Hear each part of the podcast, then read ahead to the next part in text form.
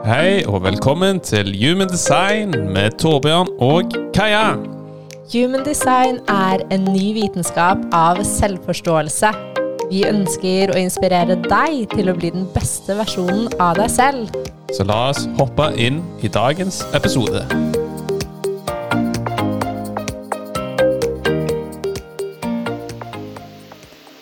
Hallo og velkommen tilbake til podkast. I dag er det meg, Kaja, som har med meg Torunn Ytrehus.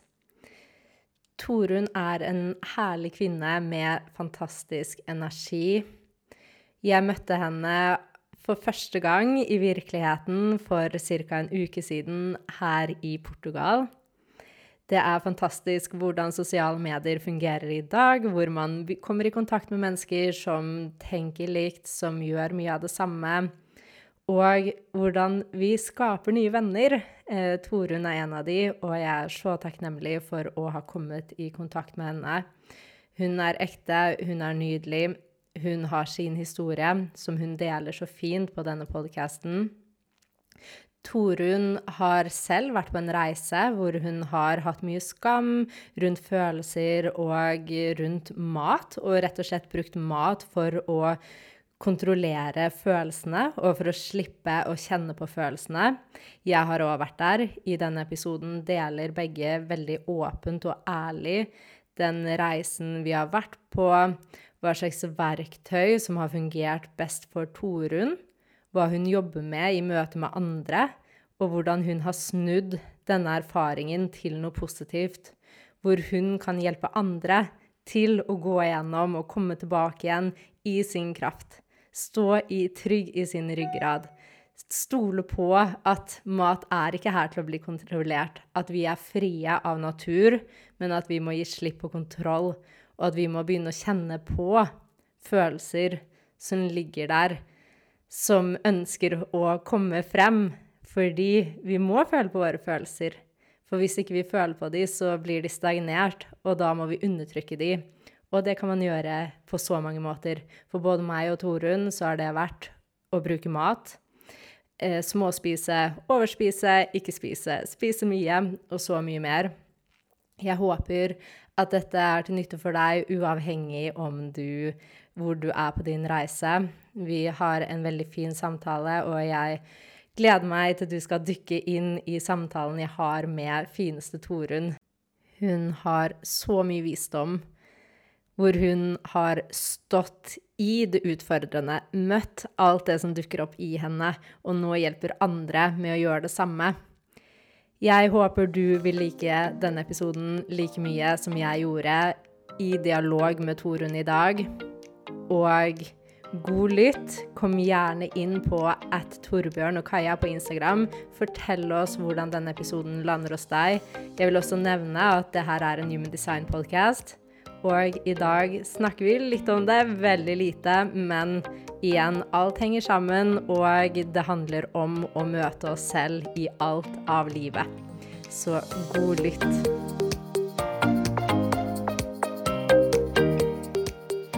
Hallo, Torunn, og velkommen til podkast. Tusen takk. Jeg gleder meg veldig, som alltid, til å få snakke med deg, Kaja, og til å få forhåpentligvis inspirere de som hører på, til å føle seg mer fri og trygg rundt mat. Ja, jeg er så takknemlig for at du er her med meg i dag, og jeg tror det finnes ikke en bedre person å snakke med enn deg rundt akkurat det med mat og følelser. Og jeg er veldig takknemlig for at du er her med meg i dag. Så kan ikke du bare starte med å fortelle litt om deg selv, hva du gjør i dag, og også litt om din historie og bakgrunn? Mm, gjerne. Eh, fordi min historie har jo vært litt sånn at jeg alltid har vært en jente som har sittet på utsida, som har fått til alt. Jeg er fra Tromsø, har drevet med idrett, har liksom alltid prestert og vært flink, hvis man kan si det sånn men hadde en litt kamp på innsida som jeg egentlig skjulte for alle. Og det her med følelser spesielt har alltid vært veldig vanskelig for meg. Jeg har vært vant til å prestere for å føle meg god nok, prestere for å føle på kjærlighet. Og det gjorde at jeg etter hvert vikla meg inn i et veldig vanskelig forhold til mat, følelser og min egen kropp. Så jeg var en toppidrettsutøver som ikke fikk til det her med mat, eh, og da blir jo den skammen enda større. Så jeg starta på min første uskyldige diett når jeg var 18, og det leda meg inn til mange, mange år med en kamp. Og jeg var rundt andre når jeg følte at jeg hadde en god dag, og når jeg var på en måte perfekt. Mens når jeg hadde vanskelige følelser, så skjulte jeg meg alene hjemme og spiste for å rømme fra følelsene mine. For jeg hadde ikke andre verktøy for å møte de, rett og slett. Og så var det en januardag i 2012 at jeg, det var et eller annet som bare kom over meg. Da hadde jeg prøvd så mange ulike dietter, jeg hadde prøvd så mange ting for å få det bedre, og jeg bare kjente at nå er det nok. Så jeg ringte mammaen min og bare sa at nå går jeg ikke ut av leiligheten min før noe endrer seg. Fordi det her skal ikke være livet mitt, det her skal ikke være min historie. Det må stoppe nå. Og da ringte mamma heldigvis til noen som gjorde at jeg fikk hjelp allerede neste dag. Det er egentlig òg en litt sånn morsom historie eh, som vi kan ta en annen gang, men det var, sånn, det var så mange tilfeldigheter som jeg ser på i ettertid som skjedde fordi det var meninga at jeg først skulle klare å mestre det her på egen hånd, og så kunne hjelpe så mange andre som er fast i det samme som jeg var i da. Så når jeg liksom knakk koden da og skjønte hva som skulle til, som ikke var dietter eller være strengere med meg sjøl, men faktisk det motsatte. Fikk andre verktøy for å møte følelsene mine.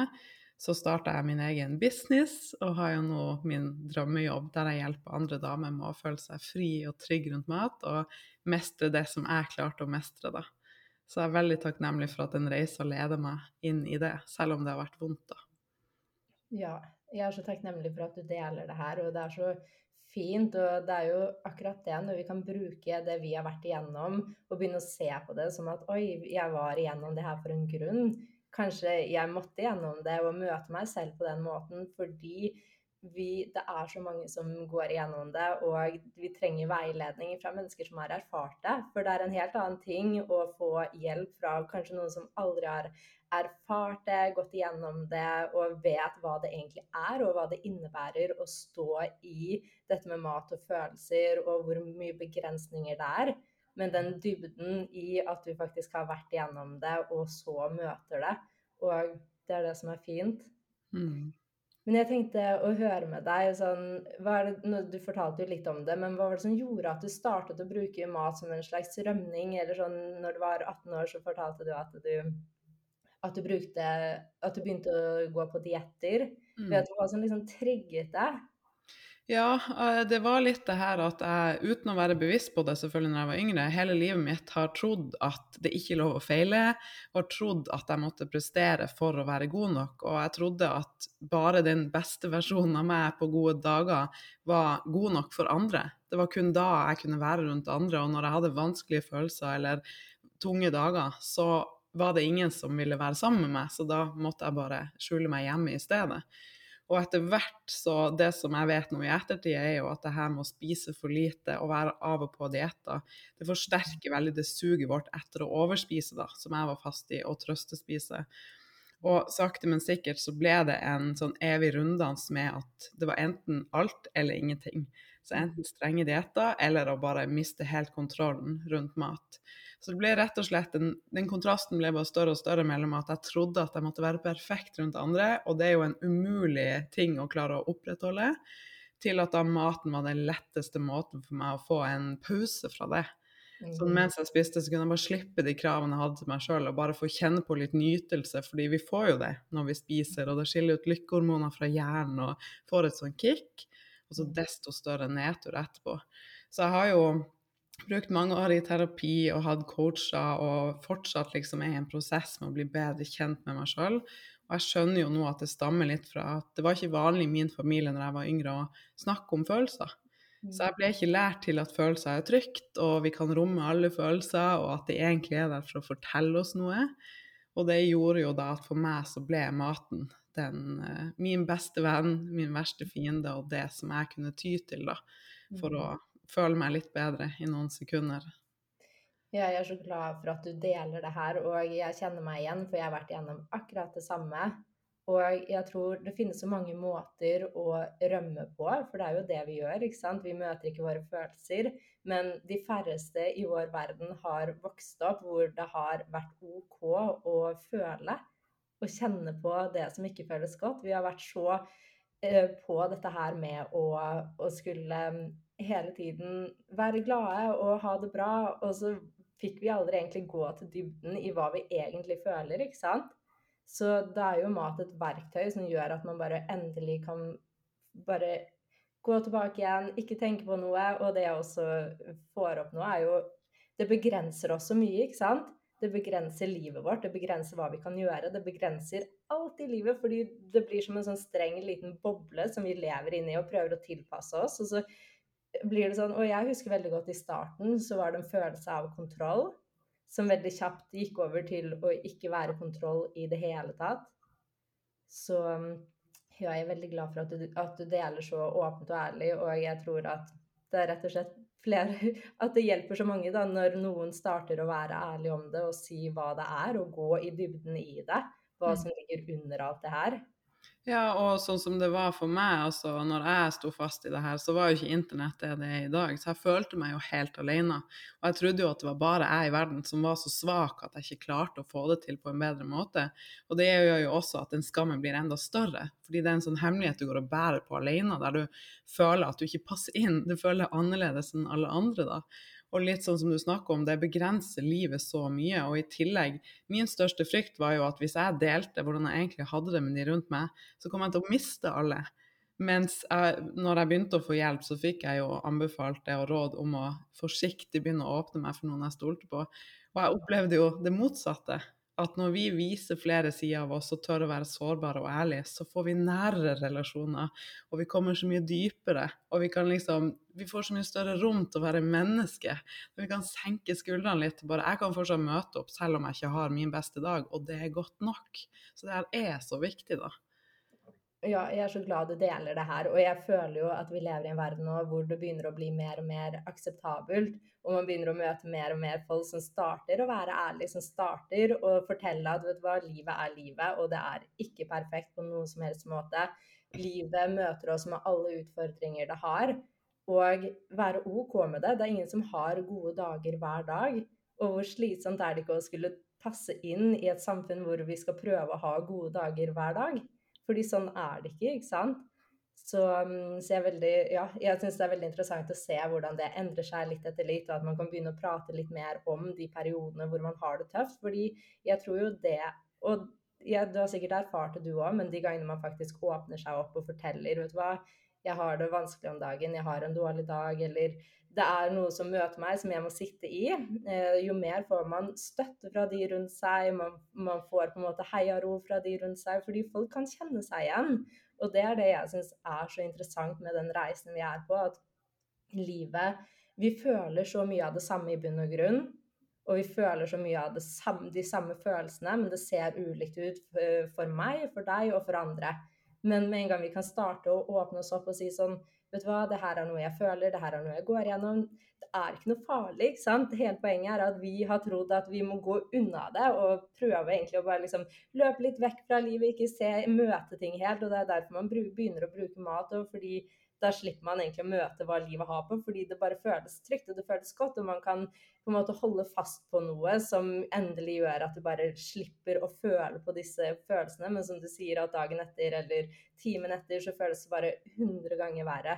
Så det går i en sånn ja, ond spiral. Da. Så jeg er veldig glad du deler det her. Og jeg tror jo hele poenget er når vi starter å se wow, det er ikke så farlig å føle på disse følelsene. Det er bare fint, det er en del av å være menneske. Så er det ikke noe farlig lenger, og da trenger vi heller ikke å løpe bort fra det gjennom f.eks.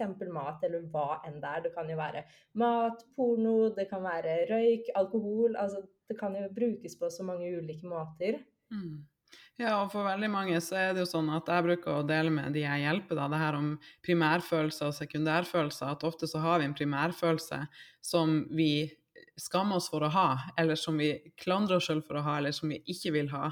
Så hvis vi f.eks. er sliten eller lei oss eller føler oss trist, så klandrer vi oss sjøl, så vi føler på skam for at vi har den følelsen.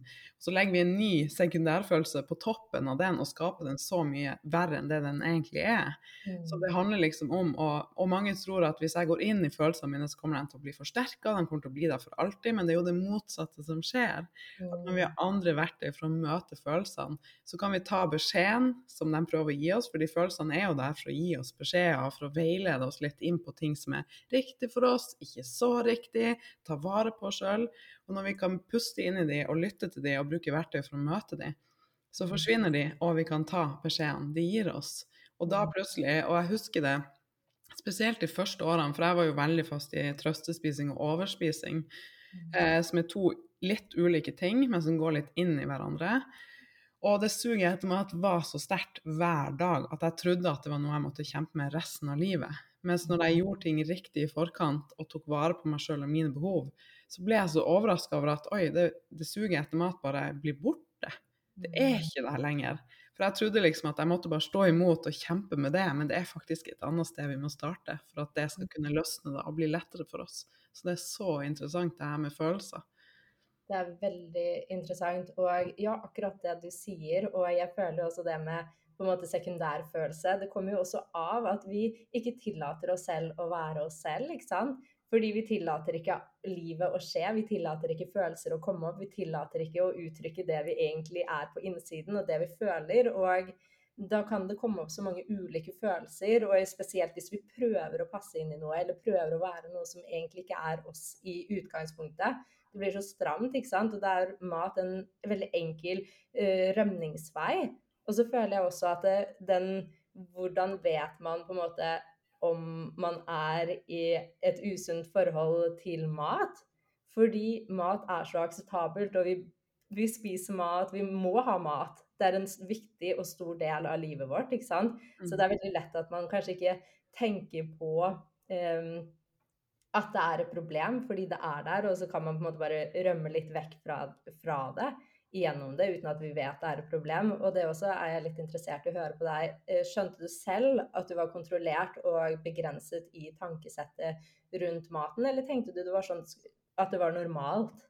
Ja, jeg tenkte at eh, på en måte at det var noe galt med meg og at det var bare jeg som ikke mestra det bedre. Og jeg var lenge fast i den der illusjonen om at neste diett skulle fikse problemet mitt.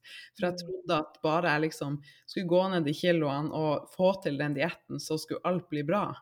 Men det er jo snarere tvert imot. Det kaster jo bare mer bensin på det bålet med å være fast i den runddansen. Mm. Men jeg skjønte jo ikke på ingen, som sagt, jeg trodde jeg var worst case scenario, at jeg måtte være fast i det resten av livet og bare kjempe med viljestyrken hver dag. Så jeg skjønte jo ikke da det jeg vet nå, med alle verktøyene jeg har lært, og hvor mye jeg forstår rundt det her med mat og følelser, måten vi tenker på, skape endringer, hvordan hjernen funker, så skjønner jeg jo nå at jeg var veldig i et sånn lukka mindset da, og veldig fast i at jeg bare trodde det var noe galt med meg. Når det ikke var noe galt med meg i det hele tatt. Det var bare måten jeg prøvde å skape endring på som var helt feil for å komme dit jeg ville, da. Så jeg tror at for veldig mange så er det Hvis du kjenner at det her begrenser livet ditt, hvis du kjenner at du gruer deg til sosiale settinger, hvis du kjenner at du unngår sosiale settinger, tenker mye på mat, er redd for å gjøre feil, bruker mye tid, energi og kapasitet på å tenke på hva kan jeg spise, hva har jeg spist, hva burde jeg spise, og har perioder der du spiser i skjul, og gjerne store mengder. Så det er et veldig tydelig tegn da, at du ville fått et så mye bedre liv ved å kunne lære deg litt verktøy for å møte følelser og utvikle forholdet ditt til deg sjøl. For det er litt sånn jeg jobber parallelt med både forholdet vårt til mat og forholdet vårt til oss sjøl. For når vi angriper de to sammen, så det er der magien skjer, da.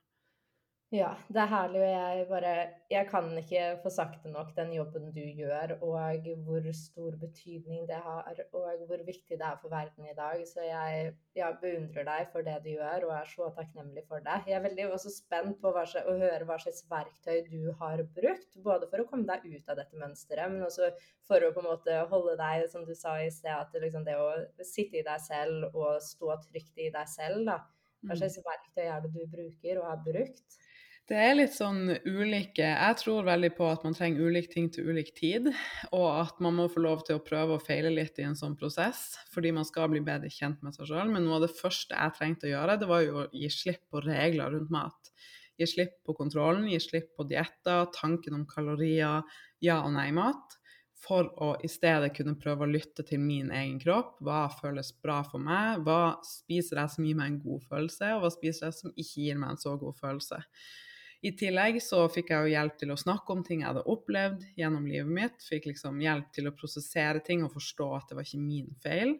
Mm. Og så sakte, men sikkert så har jeg jo lært nye ting og gått dypere. Og det er jo derfor jeg har jo brukt 10 år på min egen prosess, 15 år på min egen prosess, som har resultert i mitt kurs for å gjøre det her mer effektivt for de jeg hjelper.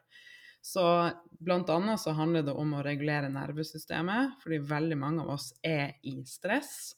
Mm. Veldig mange av oss lytter ikke til oss sjøl i løpet av en dag og blir litt sånn følelsesmessig forstoppa. Mm. Og det her skaper et større sug etter å få en release når vi kommer hjem på kvelden. Fordi veldig mange opplever jo at det, på dagen er det lett, mens kvelden er utfordrende. Kvelden og helger, eller hvis man er alene hjemme, det er da det er mest utfordrende å stå imot det suget etter mat. da. Mm. Eller vanskeligst å ta gode valg for seg sjøl. Så det å ha noen verktøy for å regulere nervesystemet, enten med pust, eller jeg lærer også bort en sånn ristedans. Der vi liksom rister oss helt fri. Man kan ta iskaldt vann og kaste i ansiktet. Det er mm. også et verktøy man kan bruke. Eh, og gi slipp på regler, kjempeviktig. Og så lære seg mer om sult- og mettelsesfølelsen sin. Bli litt tryggere på hvilken mat gir meg søtsug og ikke. Hvilken mat gir meg en god mettelsesfølelse. Sånn at du forstår at det er ikke din feil hvis du får sterkt sug etter mat. Det kan også være for at du har spist noe som gjør bare at du har litt ustabilt blodsukker og trenger mat, rett og slett. Og så snakker jeg òg ganske mye om hvordan hjernen funker, og hvordan vi skaper endringer. For det er så viktig å huske på det at etter hvert, når man har gjort det lenge, så har det blitt en kobling i hjernen. ikke sant? At mm. når jeg får de følelsene, så er koblinga i hjernen at da, da, skal jeg spise. Da skal jeg overspise eller trøstespise. Det er det jeg kjenner til. Koblinga er så sterk, den tankestien er så sterk, for vi har gått opp den så mange ganger at det, det er den vi går til da. Og da må vi gå opp nye tankestier. Og for at hjernen skal klare det, så trenger vi tid, og vi trenger repetisjon. Så det handler om å gjøre den vanen som ikke lenger gjør deg godt, mindre tilgjengelig, og så bygge nye vaner som er bedre for deg. Da trenger vi å bygge opp liksom det her toleransevinduet for å sitte i ubehagelige følelser. Trygghet rundt andre verktøy for å møte de. Og så, sakte, men sikkert over tid, så vil man merke at her suget etter mat forsvinner, og man får mer trygghet i egen kropp rundt de her tingene. Ja, det er fantastiske verktøy det du deler. Og ja, jeg tror du nevnte at det er ikke på en måte noens feil at man blir veldig trukket mot noen type mat, kanskje sukker eller det å få lyst til å overspise. For det første så kanskje man har sultet seg hele dagen. Det er helt naturlig at man har veldig mange har lyst på mye mat da, fordi man har ikke næret seg selv etter behovet sitt. Mm. Og for det andre, hva som på en måte hjalp for meg også, er det, og du nevnte jo litt av det, det å lytte til hva er det Kaja vil, hva er det sikkert for deg, hva er det Torunn vil, er det, hvordan er det jeg har lyst til å leve livet mitt, hva er meg, hvordan, hvordan, kan jeg stå trygt i meg selv i alt livet har å by på, begynne å kjenne på følelsene. Mm. Og begynne å på en måte møte det behovet jeg hadde. fordi da plutselig begynte jeg ikke å tenke på mat engang. Det skjedde naturlig. Og vi har jo, hvis man også tenker på intuitive eating, da, eller spising, så er det jo sånn Kroppen vår, hvis vi lytter, sier jo ifra når den er sulten og vet veldig godt når vi trenger næring. Så jo mer vi kan på en måte lytte til våre instinkter som guider oss og forteller oss, og på en måte møte oss selv og kjenne de gangene vi står i det ubehagelige. Og som du også sier, vite at man også er på en reise. Og noen ganger så går man kanskje tilbake igjen i de gamle vanene. Kanskje man kjenner en sånn skikkelig sånn Å, fy søren, så mye det er nå. Vet du hva, jeg må gå og spise et eller annet. Jeg må bare ta og for, fordi det er så mye, men bare være bevisst på det. Og i den situasjonen ikke dømme seg selv. For jeg føler sånn det skammer rundt alt er jo kanskje den verste følelsen, og det er jo det du sier, den sekundære følelsen. Fordi det forsterker så mye, ikke sant. Så, så, det som også har hjulpet meg veldig på veien, er de gangene jeg har sett meg selv litt Bare ja, i perioder eller på en dag gå litt tilbake der. Bare snakke fint til meg selv og gi, sende fordi det er jo det eneste vi trenger i den situasjonen. Sende oss selv kjærlighet. Vi trenger ikke mer skam, vi trenger ikke mer skyldfølelse, fordi det er det vi kanskje sitter med innerst inne i, fra før av. Mm. Ja, og jeg har et sånt spørsmål som jeg alltid liksom vil at de som hører på eller følger meg, eller skal sitte igjen med, det er liksom hva er du egentlig sulten på? Fordi Mm. ofte så er vi egentlig sulten på nærhet, eh, hvile, kjenne på glede, kjenne på passion, kjenne oss levende. Vi er sulten på Vi har et eller annet behov som vi ikke har møtt, og så blir maten det behovet, eller den løsninga vi tror vi trenger for å møte det behovet, men det gir oss bare en desto større nedtur etterpå. Så det her med intuitiv spising, det er jo også det jeg lærer bort. For sånn som du sier, når vi er født, så er vi født intuitive spisere. Alt det her går helt naturlig av seg sjøl, og kroppen klarer fint å ta seg av de her prosessene hvis vi tør å lytte. Men så det er også viktig det her, som jeg sa, med å lære seg litt mer om kosthold, så man kjenner på trygghet rundt matvarer, og hvilken mat som gjør at jeg får en sånn rolig og deilig mettesfølelse, og ikke sånn uro inni meg. Fordi mye av den maten som er på butikken nå, vi skal ikke være redd for mat, det er veldig viktig, men vi skal øve oss på å kjenne etter hvilken mat som gir oss god mettesfølelse og gjør at vi føler oss bra da. Fordi mye av den maten som er på butikken er jo veldig prosessert og satt sammen på en måte som gjør at vi får lyst på mer. Det stimulerer liksom hormoner, sult- og metthetshormonene våre som gjør at vi bare får lyst til å spise mer og mer. Derfor er det så viktig også å få trygghet rundt det, for da er det lettere å navigere valgene du skal ta. Så det er en fantastisk følelse. Det er kjempeskummelt i starten. De som kommer til meg er så redd for å slippe den kontrollen, og det vet jeg jo at jeg og du også var i starten. For da tror vi at vi skal bare ende opp lenger vekk fra dit vi ønsker å komme, og bare spise alt som er på en måte forbudt. Men det motsatte vil skje hvis du bare gir det litt tid. Og så er det helt normalt det her som du nevner med at i den overgangsfasen så kan du få mer behov for å spise. Det er bare egentlig et godt tegn på at du er på riktig vei. Mm. Ja, altså jeg er veldig glad ja, for alt det du sier, og jeg merker jeg får gåsehud av veldig mye av det du sier, fordi ja, det er litt det der med å Jeg elsker det du fortalte om hva er det du egentlig er sulten på, og det er jo det som på en måte er hele svaret, ikke sant. Fordi ofte så, så er det egentlig at vi er sultne på livet. Og er sultne på å uttrykke vårt naturlige uttrykk og være den vi er. Og å på en måte kjenne glede og kjenne alt i livet. Men vi har stoppet oss selv fra å kjenne på det ubehagelige, for vi har trodd at det er noe skummelt. Men hvis vi ikke kjenner på det, så er det enda verre. fordi hvis vi ikke kjenner på våre følelser, så oppstår det angst. Og angst er mye verre enn den følelsen å sitte inne i de følelsene som er. Jeg tror det eneste problemet er jo at vi lager en historie rundt en følelse. Mm. Fordi da går vi en loop, ikke sant. Men når vi kan starte å sitte og kjenne på følelsen, og kjenne at wow, det her, det her er interessant, hva er dette for noe, jeg har ikke kjent på det her før. Og så er det sånn, det er ikke så skummelt. Mm. Det er fint, og der kan vi virkelig transformere denne følelsen. Og vi ser at den forsvinner, fordi alt er midlertidig. Og etter denne nedturen så kommer det også wow, livet er fantastisk, og jeg har fått en oppgradering, og jeg kjenner på en måte så mye mer stødighet i meg selv. Og jeg vet at livet kan kaste på meg nye ting uten at jeg trenger å få helt angst eller løpe til mat eller andre ting som på en måte gjør at jeg begrenser meg selv. Mm. Så um, det, er, det er fint det du deler. Ja, det er så, så viktig. Så jeg tror liksom Jeg vet at det er veldig mange som kjenner på de her tingene og syns det er veldig skummelt i starten, men det handler jo liksom også om at den største gangen vi kan gi oss sjøl i livet, det er jo å liksom være nysgjerrig på forholdet vårt til oss sjøl og styrke det, den relasjonen. For det er jo den viktigste relasjonen vi har gjennom livet.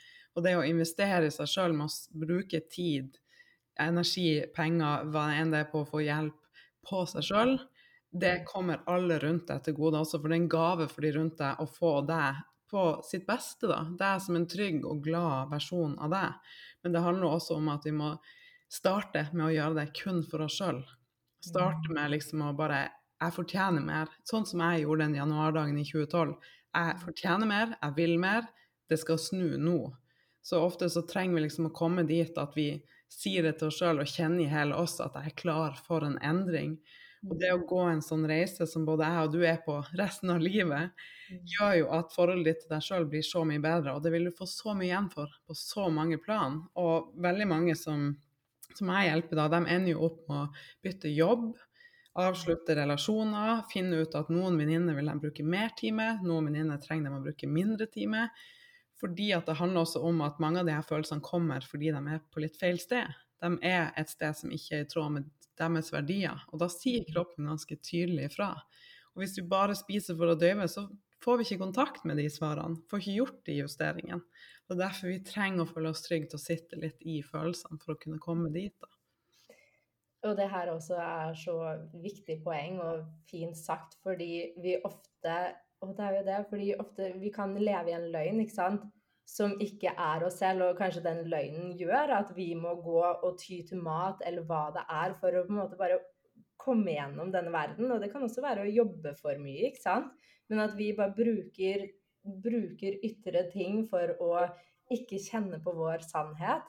Så, så, det er jo skummelt, ikke sant? som du sier, at mange av dine kunder også opplever at det er veldig skummelt i, i, starten. Og det er det, fordi plutselig møter man seg selv. Man møter sin sannhet. Man ser at oi, jeg holdt på dette forholdet her uten at det egentlig var sant for meg. Jeg holder på den jobben bare fordi jeg er redd for at jeg ikke får en inntekt hvis den ikke er der. Eller jeg holder på det og det på grunn av et eller annet.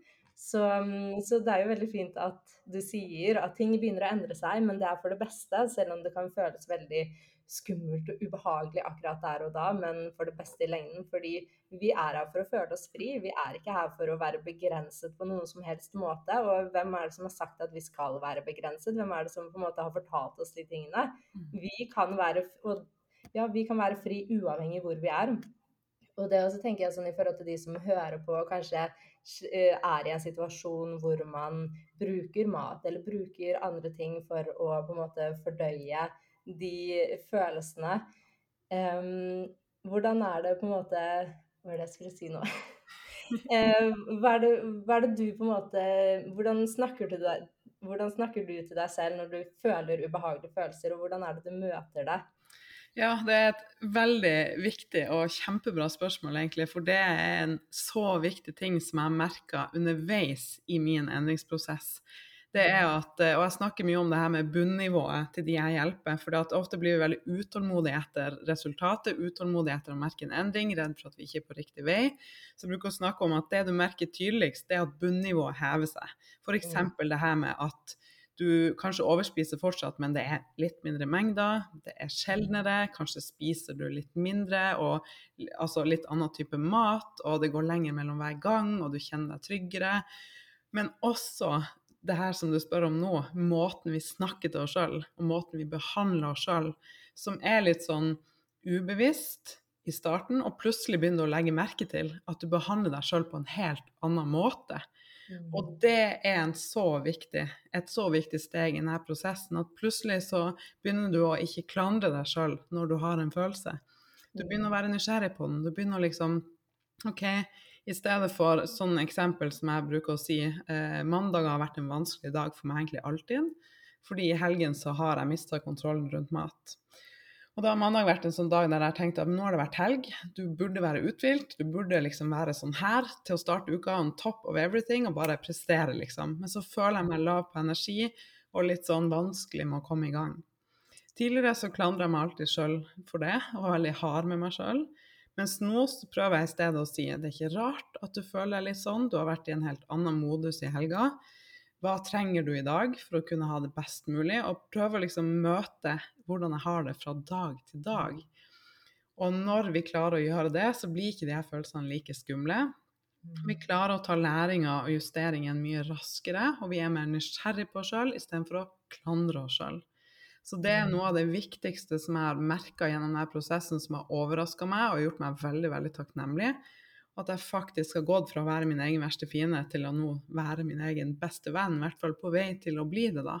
Der jeg flere og flere ganger klarer å ta de litt kjipere valgene der og da, som å ta meg ut på en treningstur når det regner, eller eh, meditere istedenfor å legge meg på sofaen og scrolle. Fordi jeg vet at det er det jeg trenger.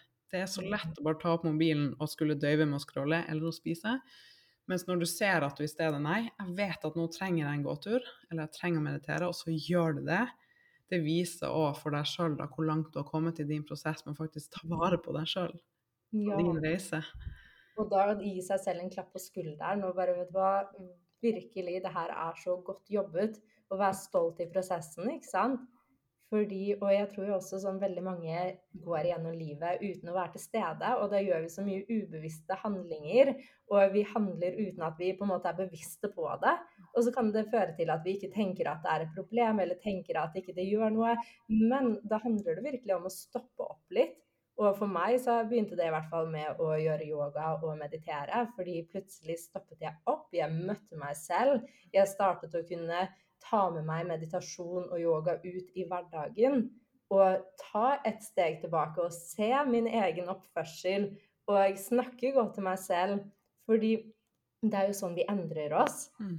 Og, vi, og, vi, er jo her til å utvikle oss og endre oss. Og hvis vi er stuck i et mønster som vi vet at ikke gjør oss godt, så utvikler vi oss ikke. Vi kommer ikke videre. Vi møter ikke den læringen det her har å gi oss.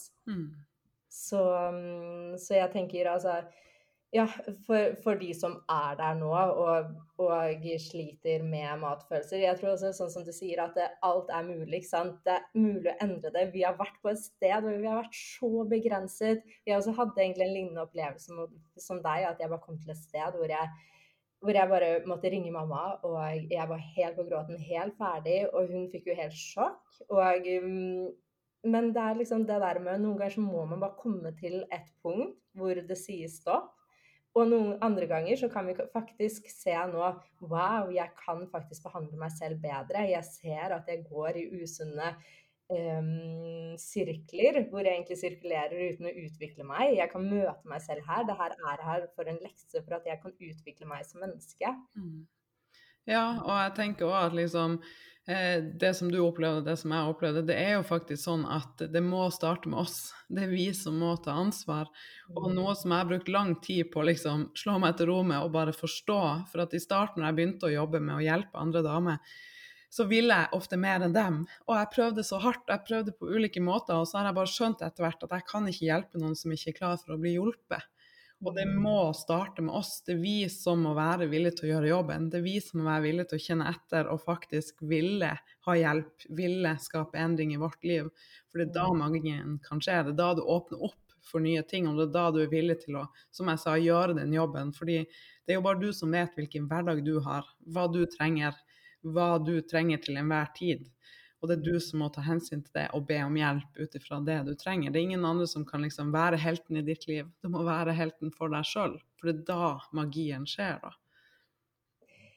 Absolutt, og det her er det beste poenget. Fordi det er ingen andre utenfor oss selv som kan redde oss. Og det tror jeg på en måte er en stor lekse for så mange av oss. ikke sant? Fordi man går og man er i en tilstand hvor man syns synd på seg selv, og man venter på at noen kan hjelpe, hjelpe seg selv. Og det fikk jo jeg en hard lekse med, og helt sikkert du òg. Fordi å, man begynte å få hjelp, og man gikk til psykolog, og så tenkte man Eller sånn i hvert fall jeg, da. Jeg tenkte å, nå kommer folk til å redde meg, jeg trenger hjelp, OK, hvordan er det vi skal gjøre det her? Men så så jeg at å, og, jo, og det var også sånn Jo mer man forstår noen ganger fra hodet sitt at det er sånn her det skal være, og man ikke klarer å leve der, jo vanskeligere er det. Fordi det blir så gap mellom det man vet og det man ikke handler etter. Mm.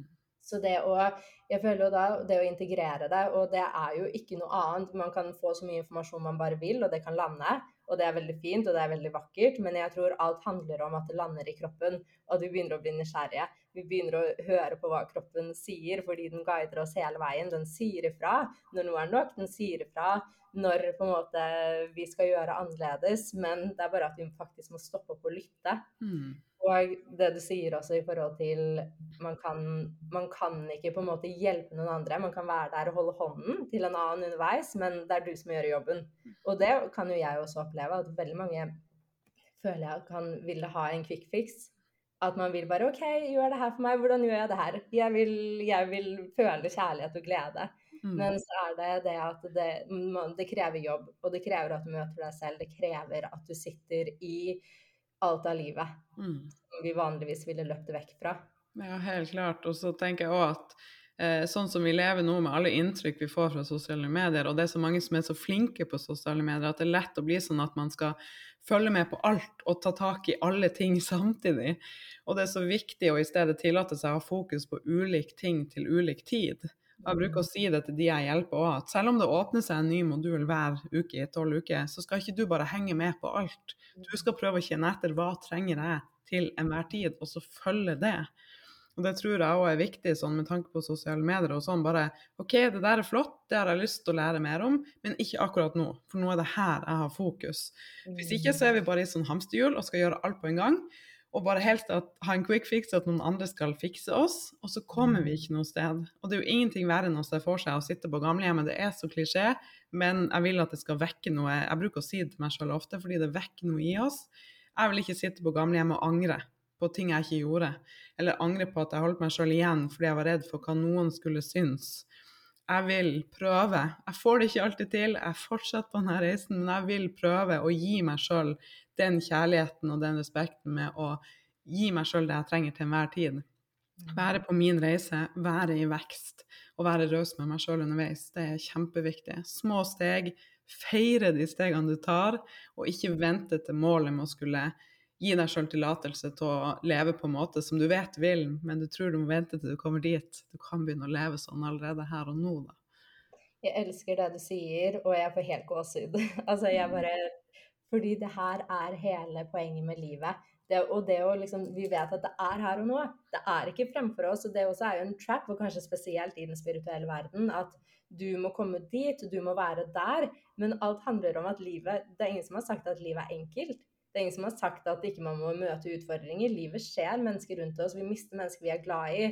Ting skjer, vi kommer i en periode hvor vi føler mer stuck. Mm. Hele poenget er å møte oss selv med en trygg ryggrad og si til oss selv vet du hva, jeg sitter i det, jeg kjenner på det som dukker opp. Livet har det her å by på, men det er også så vakkert fordi jeg kjenner hele dybden i det å være menneske. Mm. Så, og det med sosiale medier òg. Hvor mye informasjon. Og det her har jeg snakket om, og jeg brenner for det. Fordi vi er bombardert med så mye informasjon. Og det å vite at det er ingen som vet bedre enn deg selv. Og kanskje en har funnet svaret, men kanskje ikke det for deg, virker for deg. Og vite at det, det, er kun du som vet best når det kommer til deg selv. Men det kan være veldig fint og veldig nødvendig å få hjelp og guiding og påminnelser på at du er din egen autoritet, og du vet best selv. Og når du lærer deg å sitte i deg selv, så er det ikke noe Det er ikke utfordringer så utfordrende lenger, fordi vi begynner ikke å lage en historie som gjør at det blir utfordrende. Mm. Så, jeg tror vi brenner for akkurat det samme. Det er så viktig, og i tillegg det her med å sammenligne seg med andre. ikke sant? Men jeg burde jo gjøre det, og jeg burde jo vært kommet dit. Jeg burde bare få det bort, liksom. Skylapper på, det er ditt liv. Hva trenger du? Hva ønsker du? Hva er viktig for deg? Det er viktig å liksom fjerne litt det støy utenfra. Og få, det er jo jeg og du er kjempeopptatt av, det her med å få mer kontakt innover. Mer kontakt i oss og hva vi egentlig vil. For det er så lett å la seg rive med av andres forventninger og hva man burde, og hva som ser Det her har vært en sånn lekse for meg som kommer opp fortsatt ved jevne mellom. Det her med gjør jeg egentlig ting for at det ser bra ut utad, eller gjør jeg egentlig ting for at jeg vil, og for at det er riktig for meg? Å liksom klare å være ærlig med seg sjøl innenfor det, det mm. tror jeg blir viktigere og viktigere sånn som vi lever nå med sosiale medier. da.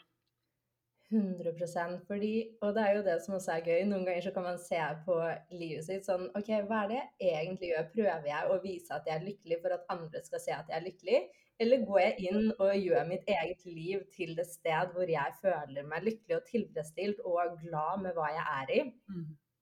Så, og det er en stor lekse. Jeg tror jo sånn sosiale medier også, det, er jo en, det kan jo være en trap, fordi man ser hva da? Kanskje 10% av menneskers liv stort sett Um, det er veldig mange glansbilder generelt på sosiale medier. Jeg er veldig glad for at folk har begynt å åpne seg mer, begynner å si hva som er utfordrende, begynner å fortelle om perioder man opplever som er vanskelige. For det åpner opp rom til at man kan ha det vanskelig. Mm. Fordi hvis man bare Og her tror jeg også det er viktig å være bevisst på hvem og hva man følger.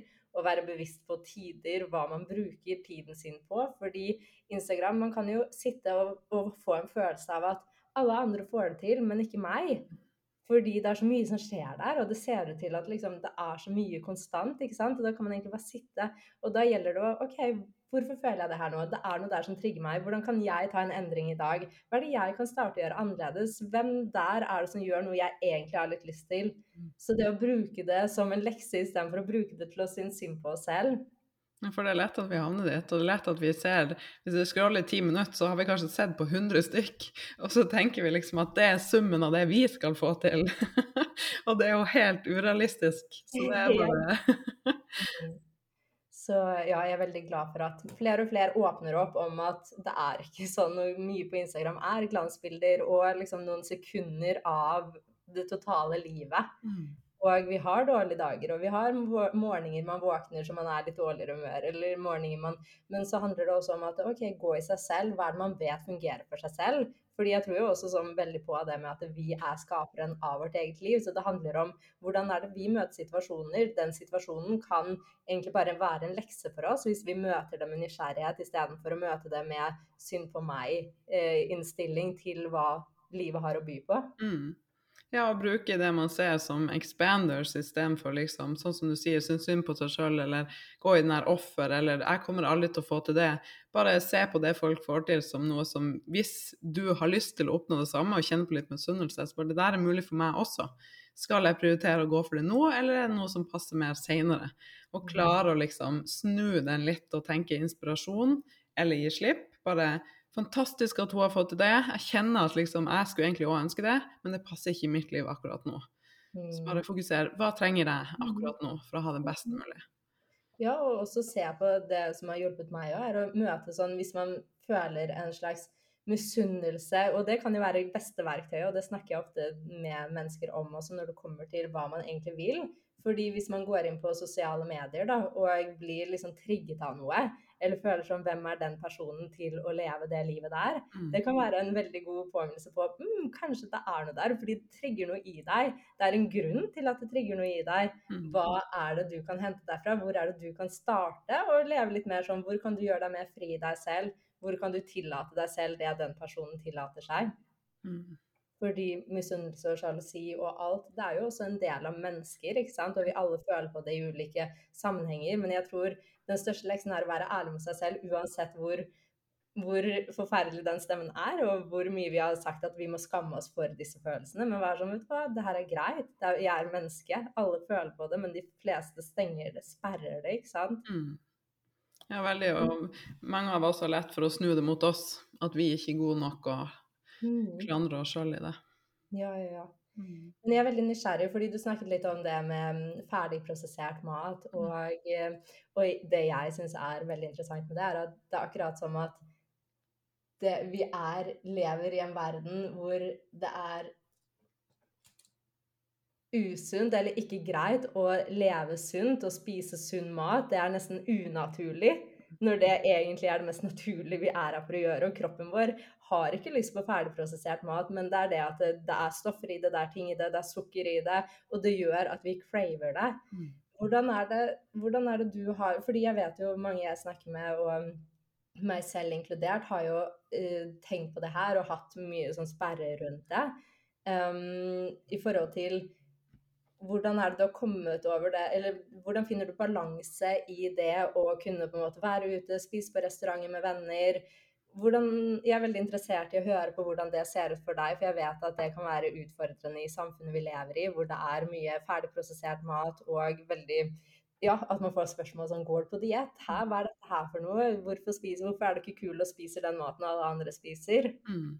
Ja, det her er noe som er veldig utfordrende for mange. og det tar lang tid å komme dit at vi også kjenner oss trygge rundt mat i møte med andre.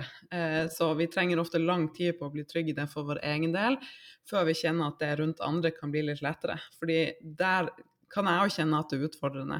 Når man blir invitert på kake, og hvis jeg liksom Nå er jo jeg Jeg lever jo etter intuitiv spising. Jeg er så fri, jeg er så trygg rundt meg at Jeg vet så godt hva min kropp elsker og ikke. Jeg har ingen problem med å spise litt av alt til enhver tid, og jeg kjenner fort når jeg trenger å liksom hente meg inn igjen. Når det har blitt for mye av noe, og jeg føler meg så fri og trygg. Og da kan det være litt sånn, når jeg kjenner at jeg ikke har lyst på, men så føler du den der forventninga. Og det er ikke for at jeg tenker at det er dumt, jeg bare kjenner at det er kake som blir servert, jeg har ikke lyst på. Men så er det kjempevanskelig da å skulle si det. Og hvis man får de spørsmålene hvorfor skal du ikke ha, kan du ikke bare ta litt, er du på slanken, bla, bla, bla. Så kjenner man på at å, men jeg, da må jeg jo ta litt sånn at jeg skal passe inn, sånn at de andre ikke skal si noe. Så jeg opplever at det kan være fortsatt utfordrende fra gang til gang. Men jeg har også blitt så trygg nå at jeg bruker å ha med meg ting. Og de rundt meg kjenner veldig godt til hvordan jeg liker å leve. Og så er det sånn, noen ganger så klarer jeg det ikke helt. Og så tar jeg litt selv om jeg ikke hadde lyst på, men da øver jeg meg på å si til meg sjøl etterpå at det gjør ingenting. Du tok det valget du tenkte var best der og da. Du kjenner det ikke gir deg noen god følelse nå for at du hadde ikke lyst på, men det går fint. Mm. Istedenfor å liksom gjøre det til en større greie enn det det er. Så jeg bruker å si at det viktigste, og veldig mange opplever jo også det her med at noen de bor med, støtter dem ikke i det å gjøre endringer, og bare kan vi ikke spise sånn som vi alltid har gjort. Mm. Så jeg bruker å si at det viktigste er jo å starte med oss sjøl og gå den veien først alene, bli litt tryggere, for da er du så mye stødigere i møte med andre. Og det å forstå og navigere det her med at det fins ikke nei-mat. Vi har aldri dårlig samvittighet, det er det vi øver oss på for noe vi spiser. Men vi øver oss på å ta de beste valgene for oss. Da vil man raskt kunne kjenne, uten at det er noen regler rundt det, at den der ferdigprosesserte maten det gjør noe med sult- og metteshormonene våre som gjør at vi får lyst på mer. Vi kan bli litt sånn ustabile i humøret, få mm. mer cravings og søtsug, og få ikke den der rolige, deilige mettesfølelsen som vi får når vi spiser litt mer råvarer og litt mer naturlig mat. da. Mm. Og så vite det at mye av den maten som er i butikken, blir putta på som proteiner, ikke tilsatt sukker, og putta på ting og brukt liksom idrettshelter i reklame og sånn for at det skal vekke følelser, for at vi skal tenke at det er sunt. Og Derfor er det så viktig å bare forstå kunnskapen i bunnen, for da er det så mye lettere for deg å navigere det her. Men det med mat og sosiale situasjoner, det er noe som, som er utfordrende for mange. Ja, det er det jeg også opplever, at det er veldig utfordrende. Og Jeg kan jo huske sånn Jeg har jo også tidligere vært veldig sånn Å, jeg har vært veganer, jeg har på en måte kuttet ut det og det og det og prøvd ulike ting. Og jeg husker veldig godt sånn bare på julaften og bestemor fikk helt sjokk, og hun var sånn der Ja, men skal du Ja, men her skal du bare spise grønnsaker og naturlig mat på julaften? Og det er nesten sånn sjokk for, men, for noen mennesker, og spesielt i eldre generasjonene. Og jeg kan jo også litt forstå det, ikke sant? fordi de har vokst opp med en helt annen kultur. Det var ikke samme greie der. Og de har ikke på en måte vi begynner å se ting. Vi begynner å se ok, det her er faktisk naturlig, det her er faktisk det kroppen har lyst på. Og jo mer man spiser naturlig, jo mindre Som du sier, man har ikke lyst på ferdigprosessert mat. Man har ikke lyst på sukker, man har ikke lyst på alkohol. Det er bare sånn Man, bare, det, man tiltrekker seg det ikke. Det er ikke noe man, som frister deg. Um, men det, også møter, eller det jeg har opplevd veldig, er jo når jeg møter motstand i noe jeg um, skal spise eller si nei til, uh, jo mer merker jeg at det er noe jeg dømmer i meg selv, som på en måte gjør at jeg møter det i den ytre verden. Så de viser det tilbake til meg. ikke sant? Og det også er veldig interessant. Jo mer nysgjerrig vi er på det, og jo mer nysgjerrig vi er på OK, nå føler jeg litt ubehag rundt det her, men jeg tør faktisk å stå i meg selv, for jeg vet at det her er det beste for meg. Og kanskje jeg også hjelper andre med å være ærlig, fordi det kan vekke ting i andre mennesker. Helt klart. Og det er kjempeviktig. Og det var jo også Det her er så det her du sier med at det var andre tider før. Det var en annen generasjon. Og jeg har også mm. hørt at sukker var på en måte en luksusvare.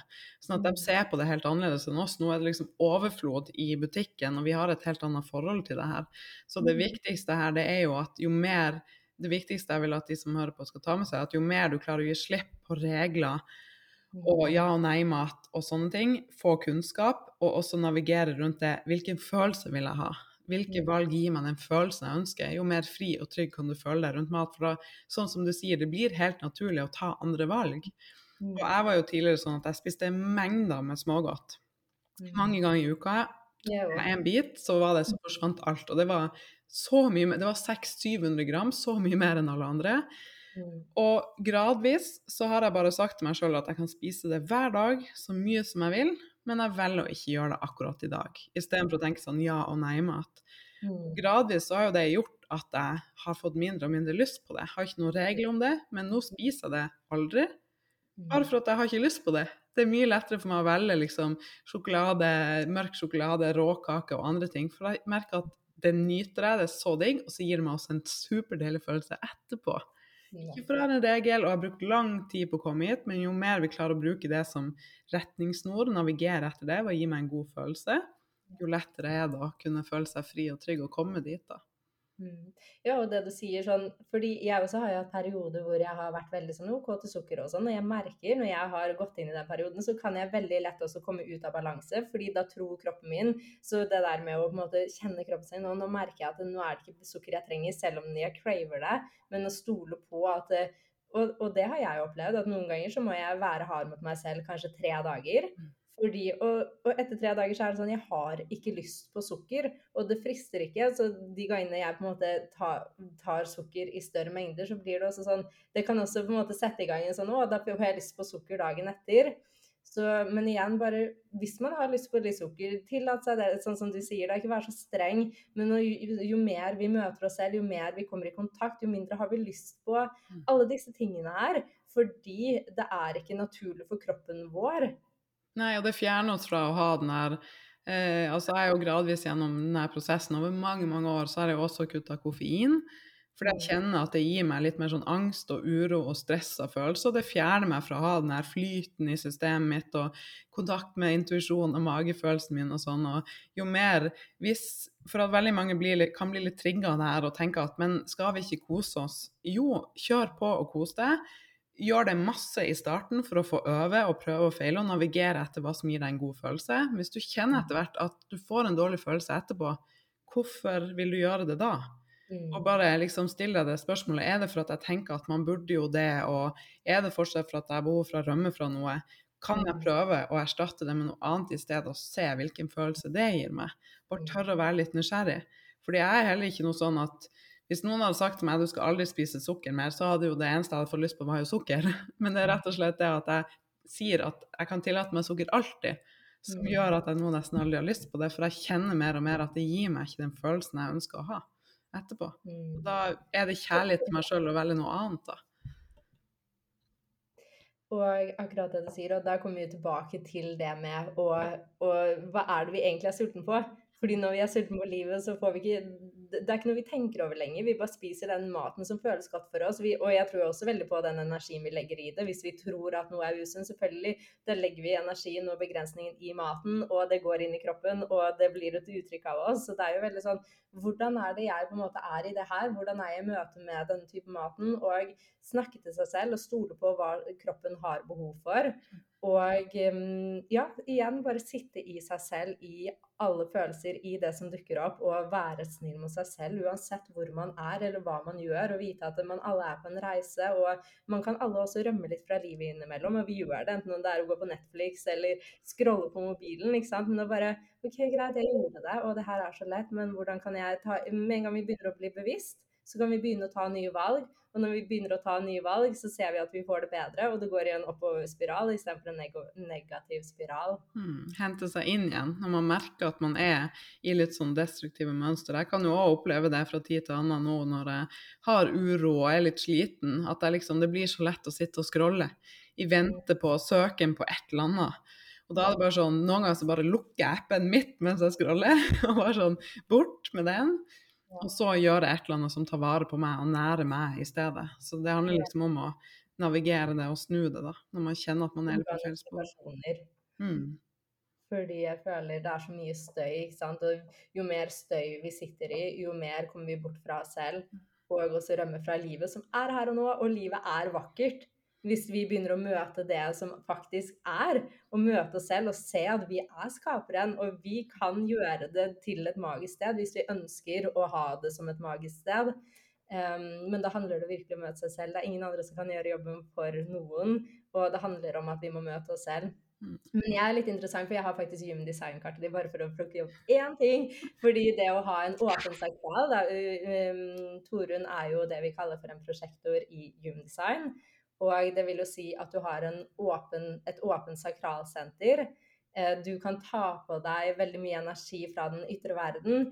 Med et åpent sakralsenter så kan det også skyggesiden der kan ha vanskelighet med å vite når nok er nok. Mm. Eh, og det også har du jo nevnt lite grann. Du kan også være i et rom, og kanskje veldig mange det blir servert pizza, og du, kan, du er den som kan forsterke følelsen av at mennesker blir sånn 'Jeg har lyst på pizza'. Så for prosjektorer og åpne sakralmennesker kan det være veldig fint å ta et steg tilbake, spesielt hvis man på en måte er litt usikker på hva man egentlig har lyst på, og kjenne sånn Hva er det jeg har lyst på? er det den pizzaen, eller har jeg egentlig lyst på en salat? Mm. Så det også kan jo være interessant. Du, har du noe å dele i forhold til det? Ja, det, det treffer veldig. Jeg kjenner meg veldig igjen i de situasjonene. Spesielt da siden det eksempelet her rundt mat og sosiale situasjoner. At jeg, det er nesten så jeg ser det for meg og føler det fysisk, at når jeg er inne i den sirkelen, så klarer jeg ikke lenger å navigere riktig for meg. Og da tar jeg ofte et valg som gjør at etterpå kjenner å, det var egentlig ikke det beste valget for meg her og nå. Så det er absolutt noe jeg skal ta med meg, og bare tillate meg å gå litt ut av det sånn psykisk, rett og slett, og Mm. følelsesmessig, og bare kjenne litt etter hva er det egentlig jeg vil her og nå. Tillate seg at Jeg opplever jo det også i møte med venninner som er andre typer enn meg. Manifesting generators og sånne ting som kanskje er litt kjappere. At når de spør om ting, og mange ting på en gang, så kan jeg bli sånn Å, men jeg må jo svare. Og så kjenner jeg at det er litt kjedelig hvis jeg trenger tid på å svare og liksom skal være den som bremser ting. Og det å navigere det er noe jeg liksom øver meg på nå, med at jeg trenger noen gang litt mer tid. Jeg trenger å liksom få kontakt med hva kommer fra meg, og hva kommer av et ønske om å ville please, og av å gjøre noen andre glad. Og klare å balansere de to.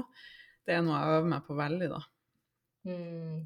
Og når du eh, aksepterer og forteller at du trenger mer tid, så åpner du opp for at andre kan gjøre det samme. Mm. Og det er jo det som er fint. Jo mer vi gir aksept på det vi har trodd at ikke er akseptabelt, jo mer tillater vi andre å kunne gjøre det samme, ikke sant? Eh, Så det er veldig fint. Og det er også med et åpent sakralsenter. Det kan også være fint å gå, gå inn i seg selv. Hva er det egentlig jeg har lyst på i dag? Man kan kanskje sjekke menyen før man drar ut, fordi man vet man blir veldig påvirket av andre mennesker. Og se sånn Hva er det Torunn har lyst på i dag? Hva er det jeg føler meg trukket mot? Ikke sant? Fordi du vet det, men det er bare noen ganger så kan man ta på seg andre energier som ikke er sitt eget, og så sitter man egentlig etterpå bare jeg føler meg bare overmett. Det her er ikke noe jeg har lyst på. Jeg føler meg tung og dratt i energien, og det er ikke det man ønsker. Nei. Verken de rundt deg eller, eller uh, seg selv. Mm. Um, jeg bare er interessert i et spørsmål. Vi var litt inne på det i sted, men sånn i forhold til det er jo mye skam og på en måte tabu rundt det med mat og følelser. Hvordan er det vi kan snu denne skammen og bruke det til noe positivt, istedenfor å gå inn i den skamfølelsen rundt det? Mm.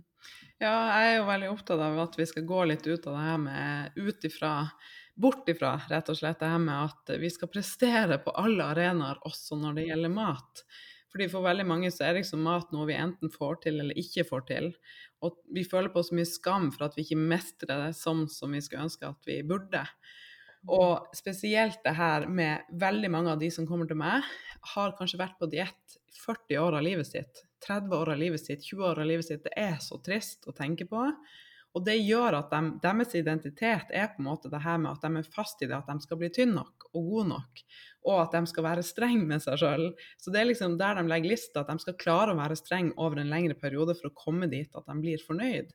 Og så føler de på veldig mye skam for at de ikke klarer å mestre det like bra som alle rundt seg. Og når vi er på diett over lang tid, så påvirker det jo forbrenninga vår, det påvirker systemet vårt, som gjør at det blir vanskeligere for oss, rett og slett også. Og vi kunne hatt det så mye bedre, og forskning viser jo òg, hvis vi aldri hadde begynt på diett, så hadde vi hatt en sunnere kropp og kunne hatt det bedre enn med å holde på sånn opp og ned, alt eller ingenting hele livet.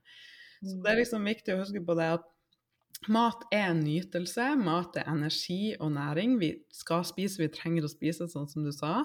Det er også sosialt. Det er liksom jul, det er høytider, det er minner for livet med folk du er glad i.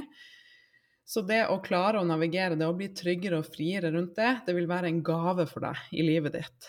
Og minne seg sjøl på at det fins ytre krefter som gjør at det kanskje er vanskeligere for deg enn det trenger å være. En, prosessert mat, hvordan maten er bearbeida, som ikke gjør det lett for deg med tanke på sult- og metteshormonene. To, det her med at vi lever i et samfunn der det er veldig mye fokus på prestasjon.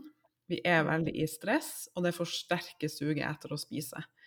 Så det å klare å liksom eh, tilgi seg sjøl for det som har vært, og bare bestemme seg for at nå skal jeg starte på en ny vei, der jeg og mat skal bli venner igjen, der jeg skal bruke det for noe fint i mitt liv, noe som nærer meg og gir meg energi og gjør at jeg kan være på mitt beste, og også noe som kan gi meg minner for livet. Jeg bruker å kalle det liksom powerfood og soulfood. Det er plass til begge deler. Det er så mye lettere å navigere det når du begynner å kjenne etter, og ikke har de reglene. fordi det gjør jo at veldig mange, bare de tar litt, så er jo alt ødelagt. Så kan jeg like så godt spise alt jeg har lyst på, noe som jeg vanligvis ikke tillater meg, og så begynne på nytt neste mandag. Jo mer vi liksom visker ut de der grensene og de der reglene for oss sjøl, jo lettere blir det å havne et eller annet sted på midten, der det er litt roligere og deiligere å være. Og du får mindre stress, som også gjør det lettere for deg å ta bedre valg for deg sjøl. Det her er nydelig, og ja, akkurat det du sier. Og da legger vi også en positiv energi inn i maten vi spiser, så det føles ikke stramt, ikke sant? og den fordøyes bedre. Mm. Så, så, det er veldig interessant akkurat, akkurat, det her og den energien vi putter i det. Fordi hvis alt skal være stramt, da vi blir jo stramme, og maten vi tar inn blir stramt, og vi opplever at fordøyelsen stopper opp, og så det er jo altså super, superinteressant. Mm. Jeg bruker jo Jeg lærer jo bort det å spise med mer kjærlighet, da. At vi skal øve oss på å ta alle valg med god samvittighet, og spise med mer kjærlighet. Så før så var det jo sånn 600 gram smågodt foran TV-en. Jeg slukte det jo. Jeg var jo ikke til stede i det jeg spiste. Jeg spiste jo bare til jeg ble kvalm. Og så spiste jeg noe salt så jeg skulle klare å spise enda mer. Mm. Mens nå så er det mye mer sånn at jeg, jeg, spiser sjokolade nesten hver dag. Og det er sånn en bit eller to, og jeg nyter det. Jeg lukker øynene, jeg bruker sansene mine, jeg er til stede. Og det er bare sånn Det vekker det feminine i meg. Jeg kjenner bare liksom at energien begynner å flyte i kroppen. Og det er, det er, bare en fantastisk fin ting. Det er ikke noe negativt i det. Og det at jeg er kommet så langt, det gjør meg så takknemlig. Og jeg ønsker sånn at du som hører på nå, som kan kjenne deg igjen i de her tingene, at du også skal få komme dit. Mm. Da er det bare åh, nå har jeg et moment for meg sjøl. nå skal jeg spise det jeg elsker best, og virkelig nyte det og spise det med kjærlighet, fordi det fortjener jeg.